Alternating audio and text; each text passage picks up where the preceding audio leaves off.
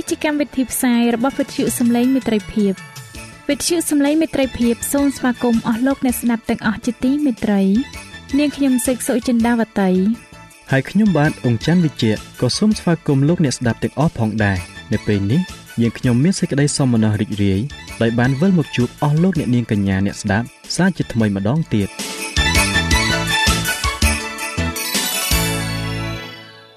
ចា៎លោកអ្នកស្ដាប់ជាទីមេត្រី នាងខ្ញុំសូមគោរពអញ្ជើញអស់លោកលោកស្រីអ្នកនាងកញ្ញាតាមដានស្ដាប់កម្មវិធីផ្សាយរបស់វិទ្យុយើងខ្ញុំដូចតទៅ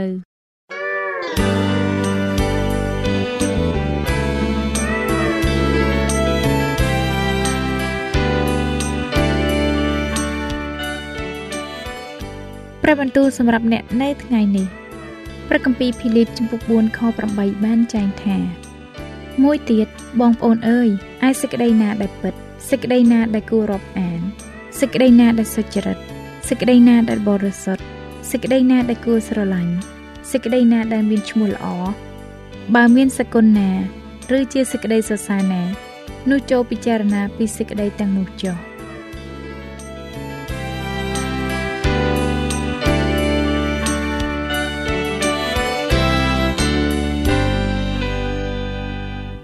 បាទខ្ញុំបាទសូមជម្រាបសួរអស់លោកអ្នកដែលតែងតែនិយមតាមដានស្ដាប់នីតិសបាស្គូលទាំងអស់គ្នាជាទីមេត្រីមេរៀនសម្រាប់សប្តាហ៍នេះមានចំណងជើងថាតើសាសឯណាដែលទទួលបានពរដូចជាសាសអ៊ីស្រាអែលនោះសម្រាប់លោកអ្នកដែលចង់បានមេរៀននេះប្រើប្រាស់នៅលើទូរស័ព្ទដៃ Android លោកអ្នកអាចទាញយកបានតាមរយៈ Play Store ដោយវាយពាក្យថាខ្មែរសបាស្គូល មុននឹងយើងចូលទៅកាន់មេរៀនរបស់យើងសម្រាប់សប្តាហ៍នេះខ្ញុំបាទសូមឲ្យអស់លោកអ្នកបានពិចារណានៅចំណុចមួយចំនួនរួមទាំងសំណួរដែលតាក់ទងជាមួយនឹងមេរៀននេះដូចតទៅព្រះជាម្ចាស់មិនបានបង្ខំឲ្យយើងគ្រប់តាមទ្រង់នោះទេប៉ុន្តែយើងត្រូវតែជ្រើសរើសគ្រប់តាមទ្រង់បន្ទាប់ពីយើងធ្វើការជ្រើសរើសបែបនេះហើយតើយើងអាចគោរពតាមទ្រង់យ៉ាងម៉ឺងម៉ាត់និងមិនបណ្ដាលឲ្យផ្្លាត់យ៉ាងដូចម្តេចទៅបាន តើការដែលបន្ថែម ឬការបន្ថយទៅលើបញ្ញត្តិរបស់ព្រះ មានន័យយ៉ាងដូចម្តេចដែរតើអាចទៅរួចទេ ដែលយើងបានធ្វើរឿងទាំងនោះដោយមិនដឹងខ្លួនអស់លោកអ្នកជាទីមេត្រីដោយដែលយើងបានឃើញរួចមកហើយព្រះគម្ពីរចោទយកថាពីជំពូក1រហូតដល់ជំពូក3បានបង្ហាញអំពីប្រវត្តិសាស្ត្រនៃសាសអ៊ីស្រាអែល លោកម៉ូសេបានជួយឲ្យពួកបណ្ដាជននឹកចាំអំពីអតីតកាលរបស់ពួកគេសម្រាប់ហេតុផលដ៏ពិសេសមួយលោកម៉ូសេចង់ឲ្យពួកគេមើលឃើញសេចក្តីមេត្តារបស់ព្រះតាមរយៈបទពិសោធន៍របស់ពួកគេផ្ទាល់នៅក្នុងជំពូក4លោកម៉ូសេឈប់បង្រៀនហើយចាប់ផ្ដើមអធិប្បាយជំនួសវិញសេចក្តីអធិប្បាយរបស់គាត់គឺស្ដីអំពីរបៀបដែលព្រះនឹងបន្តរក្សាសេចក្តីសញ្ញារបស់ទ្រង់សូម្បីតែបន្តពិសាសអ៊ីស្រាអែលមានភាពរញ៉េរញ៉ៃក៏ដោយ នៅក្នុងជំពូក4នេះ លោកបានចាប់ផ្ដើមជាមួយនឹងពាក្យជាភាសាហេប្រឺថាវីអាថាវីអាថាអាចប្រែថាហើយឥឡូវនេះឬដូច្នេះឥឡូវនេះពួកបណ្ណាជនបានស្ដាប់លោកម៉ូសេប្រកាសប្រាប់អំពីគ្រប់យ៉ាង ដែលព្រះបានធ្វើសម្រាប់ពួកគេកាលពីអតីតកាលរួចមកហើយដូច្នេះឥឡូវនេះពួកគេត្រូវតែធ្វើអ្វីអ្វីដែលព្រះបានបង្គាប់ឲ្យពួកគេធ្វើ លោកអ្នកអាចអានបន្ថែមអំពីករណីនេះនៅក្នុងព្រះគម្ពីរចោទយកថា ជំពូក10ខ12រីឯពាក្យសាមាគឺជាកិរិយាសព្ទដំបូងគេដែលយើងបានអាននៅក្នុងព្រះគម្ពីរចោទយកថាជំពូក4បន្ទាប់ពីពាក្យថាដូច្នេះឥឡូវនេះ សាមាគឺជាកិរិយាសព្ទដដែលដែលលោកម៉ូសេបានប្រើ នៅក្នុងសេចក្តីអធិដ្ឋាន សាមាដែលយើងបានសិក្សារួចមកហើយកាលពីមេរៀនសប្តាហ៍មុននោះ សាមាក៏អាចប្រែថាឬស្ដាប់ឬធ្វើតាម លោកម៉ូសេបានមានប្រសាសន៍អំពីកិរិយាសព្ទមួយនេះម្ដងហើយម្ដងទៀតនៅក្នុងព្រះគម្ពីរចោទយកថាទាំងមូលដូច្នេះយើងបានឃើញអំពីមូលហេតុដែលចម្ពុក4បានប្រើពាក្យទាំងនេះយ៉ាងដូចនេះថាឥឡូវនេះអោពួកអ៊ីស្រាអែលអើយចូលស្ដាប់អស់ទាំងច្បាប់ និងបញ្ញត្តិដែលអញបង្រៀនដល់ឯងរាល់គ្នា ហើយឲ្យប្រព្រឹត្តតាមចោះ ដើម្បីឲ្យបានរស់នៅ ហើយឲ្យបានចូលទៅទទួលយកស្រុក ដែលព្រះយេហូវ៉ាជាព្រះនៃពួកអាយកោឯងទ្រង់ប្រទានមកកុំឲ្យបន្ថែមឬបន្ថយឲ្យសោះអស់លោកអ្នកជាទីមេត្រី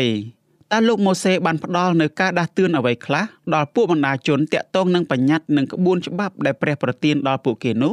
សូមលោកអ្នកអានបន្ថែមនៅក្នុងព្រះគម្ពីរចោទយកថាជំពូក4ខ1និងខ2សម្រាប់ចម្លើយទៅនឹងសំណួរនេះ ហេតុអ្វីបានជាលោកម៉ូសេដាស់តឿនសាសអ៊ីស្រាអែលភ្លាមភ្លាមកុំឲ្យធ្វើរឿងទាំងនេះលោកម៉ូសេបានប្រាប់ពួកគេឲ្យគោរពតាមបញ្ញត្តិរបស់ព្រះបន្ទាប់មកលោកម៉ូសេបានប្រាប់ពួកគេភ្លាមភ្លាមថាកុំឲ្យបន្ថែម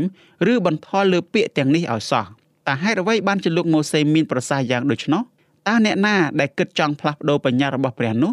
សូមក្រឡេកមើលប្រវត្តិសាស្ត្រនៃសាសអ៊ីស្រាអែល សាសអ៊ីស្រាអែលតែងតែជួបនៅបញ្ហានៅពេលដែលពួកគេមិនបានយកចិត្តទុកដាក់ចំពោះបញ្ញត្តិរបស់ព្រះមែនទេទង្វើបែបនេះគឺដូចគ្នាទៅនឹងការដែលពួកគេដកក្បួនច្បាប់សំខាន់សំខាន់មួយចំនួនចេញពីបញ្ញត្តិដូចនោះដែរជនជាតិអ៊ីស្រាអែលក៏បានបន្ថែមទៅលើបញ្ញត្តិរបស់ព្រះផងដែរនៅពេលដែលពួកគេប្រព្រឹត្តខុសទាស់នឹងបញ្ញត្តិនោះសូមលោកអ្នកអានមើលព្រះគម្ពីរម៉ាថាយជំពូក15ចាប់ពីខ1រហូតដល់ខ9 តើខទាំងនេះបង្ហាញយើងអំពីរឿងតែមួយដែលលោកម៉ូសេបានដាស់តឿនដល់ពួកកូនចៅអ៊ីស្រាអែលនៅក្នុងព្រះគម្ពីរចោទយកថាជំពូក4ខ1និងខ2ដែរឬទេអស់លោកអ្នកជាទីមេត្រី មិនយូរប៉ុន្មានព្រះបានប្រទានទឹកដី ដែលទ្រង់បានសន្យាដល់ជនជាតិអ៊ីស្រាអែលហើយពួកគេតែងតែមិនយកចិត្តទុកដាក់ចំពោះការដាស់តឿនរបស់ទ្រង់ជារឿយរឿយកុំឲ្យថ្វាយបង្គំរូបសំណាក គឺជារឿងមួយដែលព្រះបានដាស់តឿនដល់ពួកគេប៉ុន្តែពួកគេមិនបានគោរពតាមព្រះនោះឡើយពួកគេក៏បានចាប់ផ្ដើមធ្វើតាមគោលគំនិតខុសឆ្គងដទៃទៀតជាច្រើនពីសាសដែលនៅជុំវិញពួកគេពេលខ្លះជនជាតិអ៊ីស្រាអែលថែមទាំងធ្វើឲ្យគោលគំនិតខុសឆ្គងទាំងនេះคล้ายទៅជាផ្នែកមួយនៃការថ្វាយបង្គំដល់ព្រះជាម្ចាស់របស់ពួកគេផងដែរទម្រាំព្រះយេស៊ូវយាងមក គោលគំនិតខុសឆ្គងជាច្រើនបានคล้ายទៅជាផ្នែកមួយនៃសាសនាយូដាបាត់ទៅហើយដោយដែលព្រះយេស៊ូវបានមានបន្ទូលថាគោលគំនិតខុសឆ្គងទាំងនេះបានធ្វើឲ្យការបង្រៀនមកពីព្រះបាត់តម្លៃដែលមានចែងនៅក្នុងព្រះគម្ពីរម៉ាថាយជំពូក15ខ6ព្រះបាលពេអនៅក្នុងព្រះគម្ពីរចោទយកថាជំពូក4ខ3និងខ4 លោកម៉ូសេបានប្រាប់ពួកបណ្ដាជនបន្ថែមទៀតអំពីប្រវត្តិសាស្ត្ររបស់ពួកគេលោកម៉ូសេចង់ឲ្យពួកគេរៀនអំពីមេរៀនខាងវិញ្ញាណដ៏សំខាន់សំខាន់មួយចំនួន ចេញពីអតីតកាលរបស់ពួកគេផ្ទាល់សូមអានព្រះគម្ពីរជនកណនីជំពូក25ចាប់ពីខ1រហូតដល់ខ15តើមានអ្វីកើតឡើងនៅក្នុងរឿងនេះតើពួកបណ្ដាជននៃសាសអ៊ីស្រាអែលគួរតែរៀនអំពីសេចក្តីពិតនៃព្រះគម្ពីរ និងមេរៀនសំខាន់សំខាន់អ្វីខ្លះចេញពីបទពិសោធន៍ដ៏អាក្រក់មួយនេះដោយដែលយើងបានឃើញរួចមកហើយថាព្រះបានបង្គាប់ឲ្យជនជាតិអ៊ីស្រាអែលបំផ្លាញសាសមួយចំនួននៅជុំវិញពួកគេរឿងទាំងនេះបានធ្វើឲ្យយើងមានអារម្មណ៍មិនអស់ចិត្តតលតែសោះទន្ទឹមនឹងគ្នានេះរឿងអំពីព្រះបាលពេអអាចជួយបកស្រាយអំពីសេចក្តីបង្គាប់បែបនេះចេញពីព្រះព្រះបានជ្រើសរើសសាសអ៊ីស្រាអែលឲ្យធ្វើជាស្មលបន្ទាល់ដ៏ពិសេសរបស់ទ្រង់ ទ្រង់ចង់ឲ្យសាសអ៊ីស្រាអែលបង្រៀនដល់សាសដតីអំពីទ្រង់និងសេចក្តីស្រឡាញ់របស់ទ្រង់ដល់ពួកគេព្រះក៏ចង់ឲ្យរាជរបស់ទ្រង់រស់នៅជាគំរូនៃសេចក្តីស្រឡាញ់របស់ទ្រង់ផងដែរប៉ុន្តែជនជាតិអ៊ីស្រាអែលតែងតែងាកចេញទាស់នឹងព្រះពួកគេមិនបានធ្វើជាគំរូនៃសេចក្តីស្រឡាញ់របស់ព្រះដល់មនុស្សលោកនោះទេពួកបណ្ដាជនបានបរាជ័យនៅចំពោះព្រះបាលពេអពួកបុរសជនជាតិអ៊ីស្រាអែល បានរួមភេទជាមួយនឹងពួកស្ត្រីជនជាតិម៉ាឌៀនជាញឹកញាប់នៅក្នុងព្រះគម្ពីរអំពើបាបនៃការរួមភេទគឺជារូបស័ព្ទមួយតំណាងឲ្យការថ្វាយបង្គំព្រះខ្លែងខ្លាយសូមអានព្រះគម្ពីរហូសេជំពូក4ខ12ដល់ខ14ប៉ុន្តែខាងឯព្រះបាលពេអអំពើបាបនៃការរួមភេទមិនមែនត្រឹមតែជារូបស័ព្ទនោះទេអំពើបាបនៃការរួមភេទគឺជារឿងពិតមួយ សាតាំងបានបញ្ជូនពួកស្ត្រីជនជាតិម៉ាឌៀនឲ្យដល់ពួកបរោះជនជាតិអ៊ីស្រាអែលពួកស្ត្រីនោះបានថ្វាយបង្គំព្រះខ្លែងខ្លាយពួកគេបានបបួលជនជាតិអ៊ីស្រាអែលឲ្យរួមភេទពួកបរោះបានអនុញ្ញាតឲ្យស្ត្រីទាំងនោះនាំពួកគេឲ្យប្រព្រឹត្តអំពើបាប ជាការពិតណាស់អំពើបាបនៃការរួមភេទទាំងនេះបាននាំឲ្យពួកបរោះជនជាតិអ៊ីស្រាអែលធ្លាក់ទៅក្នុងអំពើបាបខាងឯវិញ្ញាណបន្តមកទៀត។ ជនជាតិអ៊ីស្រាអែលបានចាប់ផ្ដើមថ្វាយបង្គំព្រះខ្លែងខ្លាយគេចូលពួកខាងព្រះបាលពេអសូមអានព្រះគម្ពីរជនកណនីជំពូក25ខ3តើពួកគេចូលខាងព្រះបាលពេអដោយរបៀបណាជនជាតិអ៊ីស្រាអែលបានប្រគល់ជីវិតរបស់ពួកគេដល់ព្រះខ្លែងខ្លាយទាំងនោះ និងថ្វាយដង្វាយឲ្យព្រះទាំងនោះផង ពួកគេសុខចិត្តលះបង់អ្វីអ្វីគ្រប់យ៉ាង ដែលពួកគេបានរៀនអំពីព្រះពិត ហើយបែរទៅរកព្រះខ្លែងខ្លាយវិញតើការលះបង់អ្វីអ្វីគ្រប់យ៉ាងយ៉ាងនោះ គឺដើម្បីតែអ្វីទៅ គឺដើម្បីតែការរួមភេទតែប៉ុណ្ណោះតើរឿងនេះកើតឡើងយ៉ាងដូចម្ដេចទៅបានចម្លើយគឺងាយស្រួលបំផុតពួកបរោះបានធ្វើឲ្យចិត្តនិងគំនិតរបស់ពួកគេប្រឆាំងទាស់នឹងព្រះជាម្ចាស់បន្ទាប់ពីបានប្រព្រឹត្តអំពើបាបជាលើកដំបូងនោះមក បន្ទាប់មក ពួកគេបានត្រៀមខ្លួនរួចជាស្រេចក្នុងការប្រព្រឹត្តអំពើបាបបន្ទាប់ទៀតដូច្នេះពួកគេបានធ្វើបាបជាមួយនឹងរូបកាយរបស់ពួកគេជាមុនសិន បន្ទាប់មកពួកគេបានធ្វើបាបជាមួយនឹងចិត្តរបស់ពួកគេបន្ទាប់ទៀតអំពើបាបទី2នេះស្របតាមផែនការពិតរបស់សាតាំងតែម្ដង ចិត្តនិងរូបកាយមានទំនាក់ទំនងយ៉ាងជិតស្និទ្ធជាមួយនឹងគ្នាអ្វីដែលកាត់ឡើងចំពោះផ្នែកម្ខាងរបស់យើង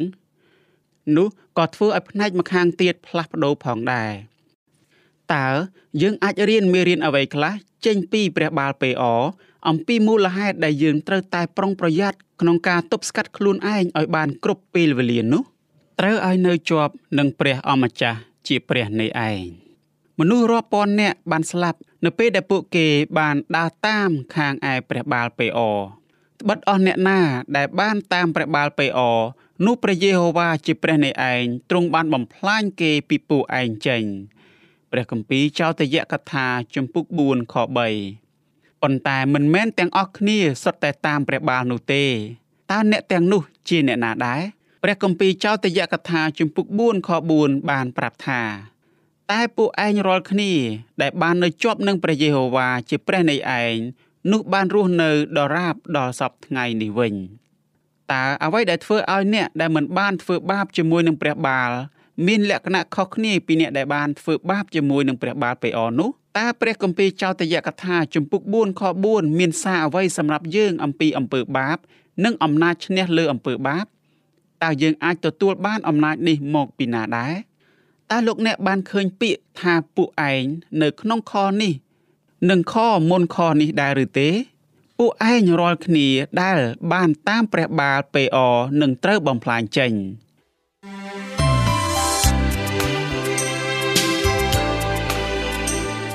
សេចក្តីជំនឿកើតឡើងដោយលឺ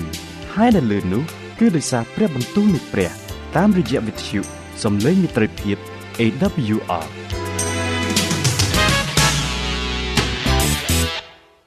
អស់លោកអ្នកជាទីមេត្រី ព្រះគម្ពីរចោទយកថាជំពូក4ខ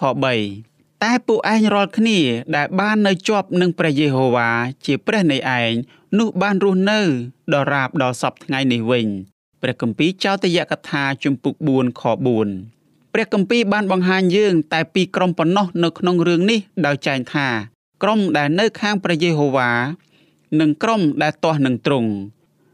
ព្រះគម្ពីរម៉ាថាយជំពូក12ខ30 តើមានអ្វីខុសប្លែកពីគ្នាសប្ថ្ងៃនេះឬពាក្យថានៅជាប់នៅក្នុងព្រះគម្ពីរចោទយកថាជំពូក4ខ4ជាភាសាហេប្រឺហៅថា DBQ ពាក្យនេះបង្ហាញយើងអំពីអ្នកណាម្នាក់ដែលមានចំណងប្រាថ្នាដ៏ខ្លាំងក្លាមួយនៅក្នុងការចូលរួមធ្វើអ្វីមួយឬចូលរួមជាមួយអ្នកណាម្នាក់ពាក្យជាភាសាហេប្រឺដដែលនេះ ត្រូវបានប្រើនៅក្នុងកាន់គម្ពីរលោកុបាទជំពូក2ខ24ដែលបានចែងថា មនុស្សប្រុសនឹងលាចេញពីឪពុកម្ដាយខ្លួន ទៅនៅជាប់នឹងប្រពន្ធសូមអ្នកអាននៅក្នុងព្រះគម្ពីរនាងរស់ជំពូក1ខ14ផងដែរយើងឃើញពាក្យដែលមានអត្ថន័យនេះចំនួន4ដងនៅក្នុងកាន់គម្ពីរចោទយកថាជំពូក10ខ20ជំពូក11ខ22ជំពូក13ខ4 និងជំពូក30ខ20នៅក្នុងខនីមួយនីមួយមានគោលគំនិតតែមួយដូចគ្នា គឺថាពួកបណ្ដាជនត្រូវតែនៅជាប់ជាមួយនឹងព្រះរបស់ពួកគេ ពួកគេត្រូវតែភ្ជាប់ជាមួយនឹងទ្រង់ហើយចាប់ទ្រង់ឲ្យជាប់ ពួកគេត្រូវថ្វាយជីវិតរបស់ពួកគេទាំងស្រុងដល់ទ្រង់ពួកគេត្រូវតែទទួលយកអំណាចរបស់ទ្រង់នៅពេលដែលពួកគេធ្វើដូច្នេះបព្រះអាចជួយឲ្យរាជរបស់ទ្រង់ យកឈ្នះលើការប្រឆាំងទាស់នឹងអំពើបាបបានសូមលោកអ្នកអានព្រះគម្ពីរយូដាជំពូក24និងព្រះគម្ពីរកូរិនថូសខ្សែទី1ជំពូក10ខ13តើលោកយូដានិងលោកប៉ុលមានប្រសាសន៍យ៉ាងណានៅត្រង់ចំណុចនេះតកតងនឹងប្រសាសន៍របស់លោកម៉ូសេនៅក្នុងព្រះគម្ពីរចោទយកថាជំពូក13ខ4នោះព្រះរក្សាសេចក្តីសន្យារបស់ទ្រង់ជានិច្ចទ្រង់អាចខាត់យើងមិនឲ្យប្រព្រឹត្តអំពើបាប ប៉ុន្តែខ្លួនយើងផ្ទាល់ត្រូវតែចូលរួមជាមួយនឹងទ្រង់ទាំងស្រុងឲ្យដូចជាជនជាតិអ៊ីស្រាអែលដែលបានរក្សាភាពស្មោះត្រង់នៅក្នុងរឿងព្រះបាលពេអដូច្នោះដែរបើយើងអាចរក្សាភាពស្មោះត្រង់នេះបាន នោះយើងអាចធានាបានថា ព្រះទ្រង់នឹងជួយឲ្យយើងធ្វើតាមទ្រង់ជានិច្ចតើសេចក្តីអធិដ្ឋាន ការសិក្សាព្រះគម្ពីរការថ្វាយបង្គំ និងការប្រកបគ្នាអាចជួយឲ្យយើងនៅជាប់នឹងព្រះបានយ៉ាងដូចម្តេចទៅតើសាសឯណាដែលទទួលបានពរដូចជាសាសអ៊ីស្រាអែលអស់លោកអ្នកជាទីមេត្រី ជាការពិតណាស់គេអាចនិយាយបានថា សារសំខាន់បំផុតនៃកាន់គម្ពីរចោទយកថា គឺអាចរកឃើញនៅក្នុងខទាំងនេះកាន់គម្ពីរដែលនៅសេសសល់គ្រាន់តែជាការបកស្រាយអំពីខទាំងនេះតែប៉ុណ្ណោះ មិនថាលោកអ្នកមានទស្សនៈយ៉ាងណាក៏ដោយសូមលោកអ្នកគិតអំពីក្បួនច្បាប់ដ៏សំខាន់នៅក្នុងព្រះគម្ពីរចោទយកថាជំពូក4ខ5ដល់ខ9បន្ទាប់មកសូមសួរខ្លួនឯងថាតើខទាំងនេះមានអត្ថន័យយ៉ាងដូចម្តេចសម្រាប់ជីវិតរបស់យើងនៅសប្តាហ៍ថ្ងៃនេះតើហេតុអ្វីបានជាព្រះជាម្ចាស់បានមានបន្ទូលនៅពាក្យទាំងនេះទៅកាន់រាជរបស់ទ្រង់ព្រះជាម្ចាស់ចង់ឲ្យរាជរបស់ទ្រង់យល់ថា ទ្រង់បានជ្រើសរើសពួកគេសម្រាប់គោលបំណងដ៏ពិសេសមួយ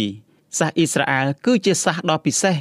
ព្រះបានមានបន្ទូលប្រាប់លោកអាប់រ៉ាមអំពីផែនការរបស់ទ្រង់តាំងតែពីគាត់ចាប់ផ្ដើមចាក់ចេញពីស្រុកខាល់ដេមកម្លេះអញនឹងបង្កើតនគរមួយយ៉ាងធំពីឯងព្រះគម្ពីរលោកុបាទជំពូក12ខ2ហើយក៏សូមអាននៅក្នុងព្រះគម្ពីរលោកុបាទដដាលជំពូក18ខ18ផងដែរ តើហេតុអ្វីបានជាព្រះចង់ធ្វើឲ្យសាសអ៊ីស្រាអែលជាសាសដ៏ពិសេសម្ល៉េះនោះគឺដោយសារតែព្រះចង់ឲ្យសាសអ៊ីស្រាអែលបញ្ចេញពរដល់មនុស្សទាំងឡាយព្រះគម្ពីរលោកុបាទជំពូក12ខ2បន្ទាប់មក ព្រះមានផែនការប្រើសាសអ៊ីស្រាអែលឲ្យបញ្ចេញពរដល់គ្រប់ទាំងគ្រួនៅផែនដីព្រះគម្ពីរលោកុបាទជំពូក12ខ3តើព្រះមានផែនការធ្វើយ៉ាងដូចម្តេច គឺតាមរយៈការបញ្ជូនព្រះយេស៊ូវឲ្យមកប្រសូតនៅក្នុងសាសអ៊ីស្រាអែលទម្រាំដល់ពេលនោះមកដល់ព្រះចង់ឲ្យរាជរបស់ទ្រង់คล้ายជាពន្លឺនៅលើផែនដី ដោយមានបន្ទូលថាអញនឹងបន្ថែមការនេះឲ្យឯងធ្វើជាពន្លឺដល់សះទាំងប៉ុន្មានទៀតដើម្បីឲ្យឯងបានធ្វើជាអ្នកជួយសង្គ្រោះរបស់អញរហូតដល់ចុងផែនដីបំផុតព្រះគម្ពីរអេសាយជំពូក49ខ6 សូមលោកអ្នកគិតអំពីគោលគំនិតនេះសាសអ៊ីស្រាអែលបានថ្វាយបង្គំព្រះដែលបង្កើតផ្ទៃមេឃនិងផ្កាយព្រះអង្គដដែលនេះក៏ជាព្រះដែលបង្កើតផ្ទៃមេឃនិងផែនដីសាសដតីដែលនៅជុំវិញសាសអ៊ីស្រាអែលបានថ្វាយបង្គំផ្កាយគ្រោះព្រៃឈើនិងអារក្សរាប់មិនអស់ព្រះគម្ពីរចោទយកថាជំពូក32ខ17និងព្រះគម្ពីរទំនុកដំកើងជំពូក106ខ37 តើមានអ្វីខុសគ្នាពីនេះទៀតទេ នៅក្នុងព្រះគម្ពីរចោទយកថាជំពូក4ខ5ដល់ខ9លោកម៉ូសេបានប្រាប់ចំណុចពីរយ៉ាងដែលធ្វើឲ្យសាសអ៊ីស្រាអែលមានលក្ខណៈពិសេសចំណុចទី1គឺថាព្រះអម្ចាស់ទ្រង់នៅចិត្តបង្កាយនឹងរាជរបស់ទ្រង់ទ្រង់បានសន្ធិដ្ឋនៅក្នុងត្រសាលដ៏បរិសុទ្ធនៅកណ្ដាលពួកជំនុំ ចំណុចទី2សាសអ៊ីស្រាអែលជាសាសដ៏ពិសេសគឺដោយសារតែច្បាប់ហើយនិងបញ្ញត្តិដែលព្រះបានប្រទានដល់ពួកគេព្រះគម្ពីរចោទយកថាជំពូក4ខ5សូមអានព្រះគម្ពីរចោទយកថាជំពូក4ខ32ដល់35តើព្រះអម្ចាស់កំពុងតែមានព្រះបន្ទូលអ្វីទៅកាន់ប្រជាជនរបស់ព្រះអង្គនៅក្នុងខទាំងនេះ តើសារមួយនេះបង្ហាញពួកបណ្ដាជនយ៉ាងដូចម្ដេចអំពីកិច្ចការដ៏ពិសេសដែលព្រះបានប្រទានឲ្យគេអនុវត្តនោះជាការពិតណាស់អស់លោកអ្នកជាទីមេត្រីព្រះបានប្រទានពរយ៉ាងអាណែកដល់សាសអ៊ីស្រាអែលប៉ុន្តែសំណួរគឺថាតើរាជរបស់ព្រះបានឆ្លើយតបយ៉ាងដូចម្ដេចទៅវិញប្រាជ្ញានិងសុភវិនិច្ឆ័យដោយដែលយើងបានឃើញរួចមកហើយថា ព្រះគម្ពីរចោទយកថាជំពូក4ខ1ដល់ខ9បានបង្ហាញអំពីមូលហេតុដែលធ្វើឲ្យសាសអ៊ីស្រាអែលមានលក្ខណៈពិសេសខទាំងនេះក៏បានបង្ហាញអំពីកិច្ចការដែលព្រះបានប្រទានឲ្យរាជរបស់ទ្រង់ធ្វើផងដែរយើងអាចមើលឃើញអំពីគោលគំនិតដ៏សំខាន់មួយតាមរយៈគម្ពីរទាំងនេះគឺថាសាសអ៊ីស្រាអែលបានគោរពតាមព្រះ ពួកគេត្រូវតែធ្វើតាមអ្វីដែលទ្រង់បានបង្គាប់មក សូមលោកអ្នកអានព្រះគម្ពីរចោទយកថាជំពូក4ខ6ម្ដងទៀតតើព្រះអម្ចាស់បានមានបន្ទូលអ្វីខ្លះដែលនាំឲ្យសាសដតីនិយាយថាសាសអ៊ីស្រាអែលមានប្រាជ្ញា និងមានសុភវិនិច្ឆ័យល្អនោះនៅពេលដែលយើងក្រឡេកមើលខព្រះគម្ពីរចោទយកថាជំពូក4ខ6ជាលើកដំបូងយើងប្រហែលជាគិតថាក្បួនច្បាប់និងបញ្ញត្តិគឺជាប្រាជ្ញានិងការយល់ដឹងប៉ុន្តែ នេះមិនមែនជាអ្វីដែលខព្រះគម្ពីរនេះបានចែងនោះទេមែនហើយព្រះអម្ចាស់បានបង្រៀនដល់រាជអ៊ីស្រាអែលដែលជារាជរបស់ទ្រង់អំពីក្បួនច្បាប់និងបញ្ញត្តិដែលប្រកបដោយប្រាជ្ញាប៉ុន្តែប្រាជ្ញានិងសុភវិនិច្ឆ័យរបស់មនុស្សចេញមកពីការថែរក្សាក្បួនច្បាប់និងបញ្ញត្តិដូច្នេះការគោរពតាមរបស់មនុស្សគឺជាប្រាជ្ញា និងសុភវិនិច្ឆ័យល្អរបស់ពួកគេនោះឯង សាសអ៊ីស្រាអែលមានក្បួនច្បាប់និងបញ្ញត្តិដ៏ល្អបំផុតដែលគ្មានសាសណាមួយនៅលើផែនដីនេះធ្លាប់មានឡើយប៉ុន្តែតើបញ្ញត្តិទាំងនេះមានប្រយោជន៍អ្វីទៅ ប្រសិនបើសាសអ៊ីស្រាអែលបដិសេធមិនគោរពតាមនោះ នៅពេលដែលសាសអ៊ីស្រាអែលរស់នៅក្រោមបញ្ញត្តិនោះពួកគេបង្ហាញប្រាជ្ញា និងសុភវិនិច្ឆ័យរបស់ពួកគេទៅកាន់មនុស្សគ្រប់គ្នាដែលរស់នៅជុំវិញខ្លួនដូច្នេះព្រះបានបង្គាប់រាជរបស់ទ្រង់ឲ្យគោរពតាមទ្រង់ ការគោរពតាមរបស់ពួកគេបានបង្ហាញសេចក្តីពិតនៃព្រះគម្ពីរនិងសេចក្តីស្រឡាញ់របស់ទ្រង់ដល់មនុស្សនៅគ្រប់ទីកន្លែងតាមរយៈសិភៅមេរៀនរបស់ព្រះគ្រីស្ទអ្នកស្រី Ellen G. White បានលើកឡើងថាពួកបណ្ដាជនត្រូវតែគោរពតាមបញ្ញត្តិរបស់ព្រះពេលនោះពួកគេនឹងคลายទៅជាអ្នកជោគជ័យនៅក្នុងភ្នែកនៃមនុស្សគ្រប់គ្នានៅលើផែនដីព្រះបានប្រទានប្រាជ្ញា និងជំនាញដល់រាជរបស់ទ្រង់រួចទៅហើយ ក្នុងការធ្វើរឿងល្អល្អព្រះអង្គដដែលនេះនឹងបន្តបង្រៀនដល់រាជរបស់ទ្រង់ទ្រង់នឹងធ្វើឲ្យជីវិតរបស់ពួកគេកាន់តែប្រសើរឡើង នៅពេលដែលពួកគេគោរពតាមបញ្ញត្តិរបស់ទ្រង់ពេលនោះពួកគេនឹងមិនមានជំងឺឡើយព្រះក៏នឹងប្រទានចិត្តគំនិតដ៏ឆ្លាតវៃដល់រាជរបស់ទ្រង់ផងដែរពួកគេនឹងបង្ហាញព្រះអម្ចាស់ក្នុងគ្រប់ទាំងភាពជោគជ័យនិងទ្រព្យសម្បត្តិរបស់ពួកគេ ព្រះបានជ្រើសរើសរាជរបស់ទ្រង់ឲ្យคล้ายទៅជានគរនៃមេដឹកនាំសាសនានិងព្រះអម្ចាស់ព្រះបានប្រទានរបស់គ្រប់យ៉ាងដែលពួកគេត្រូវការដើម្បីឲ្យបានคล้ายជាសាសដ៏ខ្លាំងក្លាបំផុតនៅលើផែនដីរីឯនៅក្នុងសៀវភៅមហាវិវាទអ្នកស្រី Ellen G. White ក៏បានលើកឡើងដែរថា សង្គ្រាមរវាងសេចក្តីល្អនិងសេចក្តីអាក្រក់បានចាប់ផ្ដើមឡើងនៅឯស្ថានសួគ៌ សាតាំងបានព្យាយាមយ៉ាងខ្លាំងនៅក្នុងការរៀបចំផែនការតាំងពីពេលនោះមកសាតាំងបានច្បាំងទាស់នឹងព្រះដើម្បីនឹងបំផ្លាញបញ្ញត្តិរបស់ទ្រង់ព្រះបានបោះសាតាំងចេញពីស្ថានសួគ៌ប៉ុន្តែសាតាំងបានបន្តសង្គ្រាមរបស់វាទាស់នឹងព្រះនៅលើផែនដីនេះសាតាំងរវល់ជាខ្លាំងឥតឈប់ឈរវាបានបោកបញ្ឆោតមនុស្សជាមួយនឹងការកុហករបស់វាគ្រប់យ៉ាង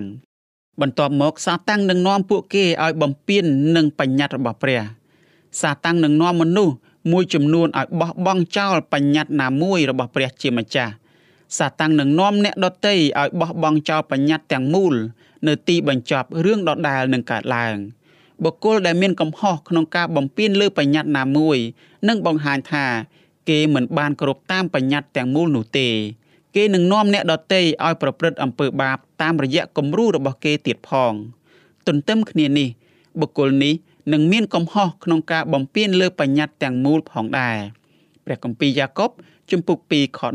10តាមរយៈសិភៅការចាប់ផ្ដើមនៃទីបញ្ចប់អ្នកស្រី Ellen G. White ក៏បានបន្ថែមទៀតថាពួកបណ្ដាជននៃសាសអ៊ីស្រាអែលបានធ្វើអ្វីដែលព្រះហាមពួកគេកុំឲ្យធ្វើ ពេលនោះសាតាំងបានចាប់ពួកគេដាក់ទៅក្នុងអន្ទាក់របស់វា សាតាំងបានសណ្ដំពួកបរោះជាមួយនឹងតន្ត្រី និងការរាំរែកភាពស្រស់ស្អាតនៃស្ត្រីសាសម៉ាឌៀនក៏បានសណ្ដំពួកបរោះនៃសាសអ៊ីស្រាអែលផងដែរពេលនោះពួកគេបានបោះបង់ចោលភាពស្មោះត្រង់របស់ពួកគេចេញពីព្រះអម្ចាស់ពួកបរោះបានចូលរួមបរិភោគអាហារនិងនិយាយលេងសើចជាមួយនឹងពួកស្ត្រី ពួកគេបានផឹកស្រាទំពាំងបាយជូរ ពួកគេបានបាត់បង់សុភវិនិច្ឆ័យនិងភាពជាម្ចាស់លើខ្លួនឯងសេចក្តីប្រាថ្នាចង់រួមភេទរបស់ពួកគេបានគ្រប់គ្រងលើពួកគេទាំងស្រុង បន្ទាប់មកពួកគេបានក្រាបចុះថ្វាយបង្គំរូបសំណាកពួកគេបានថ្វាយសំណែននៅលើអាសនៈដល់ព្រះខ្លែងខ្លាយហើយពួកគេបានចូលរួមថ្វាយបង្គំព្រះខ្លែងខ្លាយដែលនាំឲ្យចិត្តនិងគំនិតរបស់ពួកគេកាន់តែខ្សោយទៅខ្សោយទៅអស់លោកអ្នកជាទីមេត្រី ខព្រះគម្ពីរដ៏សំខាន់សម្រាប់មេរៀនរបស់យើងនៅសប្តាហ៍នេះគឺព្រះគម្ពីរចោទយកថាជំពូក4ខ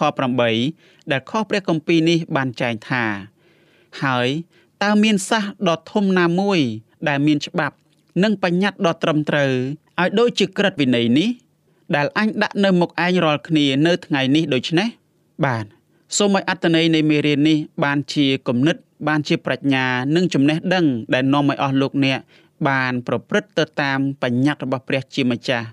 ត្បិតការដែលប្រព្រឹត្តតាមនេះហើយដែលធ្វើឲ្យយើងគ្រប់គ្នាដែលជាមនុស្សមានបាប មានកម្លាំងមានប្រាជ្ញា មានសុភវិនិច្ឆ័យល្អសម្រាប់ការសម្រេចអ្វីអ្វីនៅក្នុងជីវិតរបស់យើង ហើយជាពិសេសទៅទៀតនោះនឹងធ្វើឲ្យយើងបានសម្រេចទៅតាមអ្វីដែលព្រះអង្គទ្រង់ចង់ឲ្យយើងធ្វើគឺចង់ឲ្យយើងคล้ายទៅជាពន្លឺ នៃដំណឹងល្អអំពីព្រះនៃនគរស្ថានសួគ៌ដល់មនុស្សដែលនៅជុំវិញខ្លួនយើងសូមព្រះទ្រង់បានប្រទានពរដល់អស់លោកអ្នកទាំងអស់គ្នាយើងនឹងជួបគ្នាម្ដងទៀតនៅសប្តាហ៍ក្រោយ សូមអរគុណ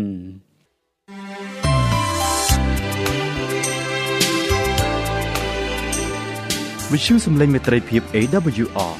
មានផ្សាយពីរដងក្នុងមួយថ្ងៃគឺព្រឹកនៅម៉ោង6និងពេលយប់នៅម៉ោង8